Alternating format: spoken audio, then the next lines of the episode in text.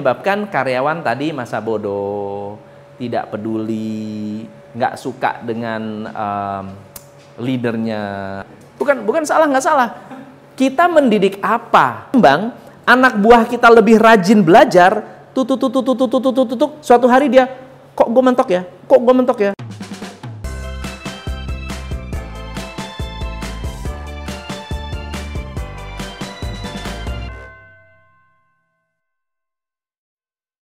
So kita akan bahas tentang tujuh kesalahan yang umum sekali dilakukan oleh seorang leader. Kesalahan-kesalahan ini sifatnya manusiawi tetapi tidak boleh dibiarkan. Atau bisa menyebabkan karyawan tadi masa bodoh, tidak peduli, nggak suka dengan um, leadernya, tidak kompak, jenuh, malas bekerja. So, kesalahan yang pertama adalah leader lepas tangan. Leader lepas tangan, nggak mau tahu, leader masa bodoh, leadernya nggak peduli, leader dengan filosofi pokoknya. Pokoknya gue nggak mau tahu. Pokoknya lu mesti datang. Pokoknya lu harus disiplin. Eh besoknya resign. Betul nggak? Itu lepas tangan. Dia nggak mau tahu atau leader ninggalin seolah-olah timnya sudah mengerti. Lalu kemudian pas bikin kesalahan, ada problem, kita bilangnya apa? Kan gue udah bilangin. Kan saya udah ngasih tahu. Ya, waktu itu kenapa gak nanya? Itu leader ciri-ciri leader lepas tangan. Yang kedua adalah leader tidak memberi feedback saat karyawan berperilaku baik. Harusnya kebanyakan leader memberi feedback saat berperilaku buruk. Coba sekarang Anda bayangkan ya, kita semua punya kebutuhan dasar. Salah satu kebutuhan dasar yang paling kuat adalah kasih sayang. Kebutuhan dasar paling kuat adalah kasih sayang. Oke? Kita bisa kangen sama pacar kita yang bawel karena bawelnya. Ya, karena reseknya kita kadang-kadang kangen sama teman kita karena bawelnya, karena resenya. Kenapa? Saat dia rese, kita merasa diperhatikan. Saat dia bawel, kita merasa disayang. Sekarang kita punya anak buah. Setiap kali dia bikin kesalahan, kita bawel. Kita perhatiin. Kita kasih motivasi. Kita bahkan tegur. Kita marahin. Kadang-kadang setelah marah, kita merasa bersalah, diajak makan. Betul ya? Bukan, bukan, bukan salah nggak salah. Kita mendidik apa? Kita kalau kebutuhan dasar adalah kasih sayang dan bentuk kasih sayang yang dipersepsikan adalah dimarahin, maka dia akan dengan senang hati menciptakan lebih banyak lagi kesalahan supaya lebih banyak perhatiannya. Kita harus mem, kita harus tahu kita ini niat mendidik yang bagaimana. Kalau kita niat mendidik orang untuk berperilaku baik, setiap kali berperilaku baik, beri feedback positif. Ini yang gue mau, itu kan? Ini dia yang gue suka. Thank you for coming on time. Karena lu on time, gue kasih hadiah. Kasih sayangnya kasih sayang positif. Ketika dapat kasih sayang positif, dia akan selalu lapar mendapatkan kasih sayang po positif. So ini adalah kesalahan yang kedua. Kesalahan yang ketiga adalah tidak ngerti karyawan itu punya potensi atau tidak.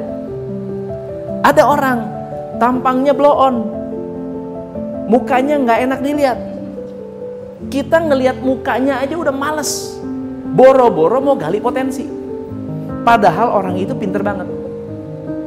Sebaliknya, ada orang enak dilihat, cantik, baik, ya, pinter ngambil hati, nggak punya potensi, tapi dibelain. So, sebagai leader, kita perlu menggali dan harus istilahnya nggak boleh lihat tampilan mukanya, tampilan depan itu nggak boleh kelihatan. Oke, okay? casingnya itu pasti menipu.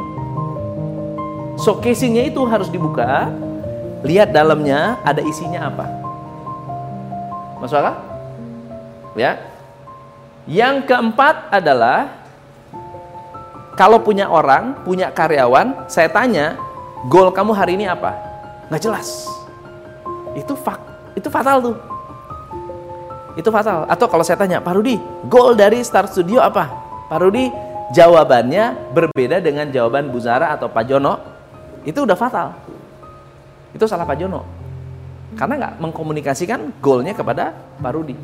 Atau terlalu banyak goalnya kalau goalnya terlalu banyak, ini saya mau, ini saya mau, ini saya mau, ini saya mau, ini saya mau, ini mau, saya mau semuanya. Akhirnya nggak ada yang difokusin. Itu pun salah. Sama aja goalnya nggak jelas. Oke? Yang ke lima, leader nggak berubah. Jadi leader nggak mendorong perubahan, jadi leader tidak melakukan perubahan diri sendiri. Jadi kalau ditanya, Bisnis kita hambatan besarnya ada pada leadernya. Dia nggak mungkin melewati leadernya. Anak buah kita nggak bisa melewati kita, betul ya? Kalau Nuni adalah manajer, Nopita adalah supervisor, supervisor nggak mungkin ngelangkahin manajer. Kalau nggak kalau nggak Nopita jadi manajer, betul ya? Tapi kalau kalau kita pengen Nopita itu naik kelas, kira-kira yang harus naik kelas duluan siapa? nuniknya harus naik kelas. Leader yang di atas harus naik kelas, belajar, belajar, belajar, belajar. Baru kita bisa naikin orang di bawah kita. Baru kita bisa gerek, betul nggak? Namanya dikatrol. Bisa kita katrol. Tapi kalau kita sendiri nggak ber, berkembang, anak buah kita lebih rajin belajar, tutut, suatu hari dia kok gue mentok ya, kok gue mentok ya, kok gue mentok ya, ah keluar ah, dia bisa berkembang di tempat lain dia akan mem mem memiliki kemampuan untuk melihat lebih jauh dari manajernya, mereka akan keluar. So sebagai leader tidak boleh tidak berubah. Sebagai leader harus punya buku favorit setiap bulan. Punya buku favorit nggak? Buku apa? Harry Potter. Buku apa? Buku ini kita ceritain ke anak buah kita Wah ada buku bagus banget namanya buku ini. Buku ini menceritakan ini, menceritakan ini, menceritakan ini. Kita bisa share betapa open mindednya kita. Lalu orang akan ketularan. Wah si ibu ini begini-begini. Saya itu senang baca buku. Nah baca buku ya ringan yang ini. Nah kalau ada buku bagus saya kasih anak buah. Baca ya. Kalau mau orang itu baca atau orang yang suka baca enak. Tapi kalau nggak suka baca, kamu bikin kutipan dari buku ini untuk dimasukin ke Twitter. Masuk akal nggak? Nih ya, tolong ya, bikin kutipan dari buku ini. Nanti dia bikin seorang leader adalah orang yang harus begini bla bla bla bla bla bla. Quotes dari siapa? Diketik, masukin ke Twitter. Tapi dengan dia baca dan dia nulis, dia udah baca, dia udah belajar. Ya, tapi saya harus baca dulu dong, betul nggak? Jangan saya beli buku lempar orang, itu juga nggak bener. Nanti anak buah lebih pintar dari kita juga salah. Yang keenam adalah melihara apel busuk atau udah tahu karyawan bejat di maintain nggak boleh. Karena apel busuk itu nular. Tomat busuk itu nular harus dipisah kalau jelas-jelas ada apel busuk coba dilihat apakah ada tempat yang pas untuk mengisolasi orang ini yang tidak bisa ter menginfluence, mempengaruhi orang-orang di sekitarnya sampai orang itu bisa dipastikan bebas penyakit. Kayak ikan sakit, jangan campur di kolam yang banyak ikannya.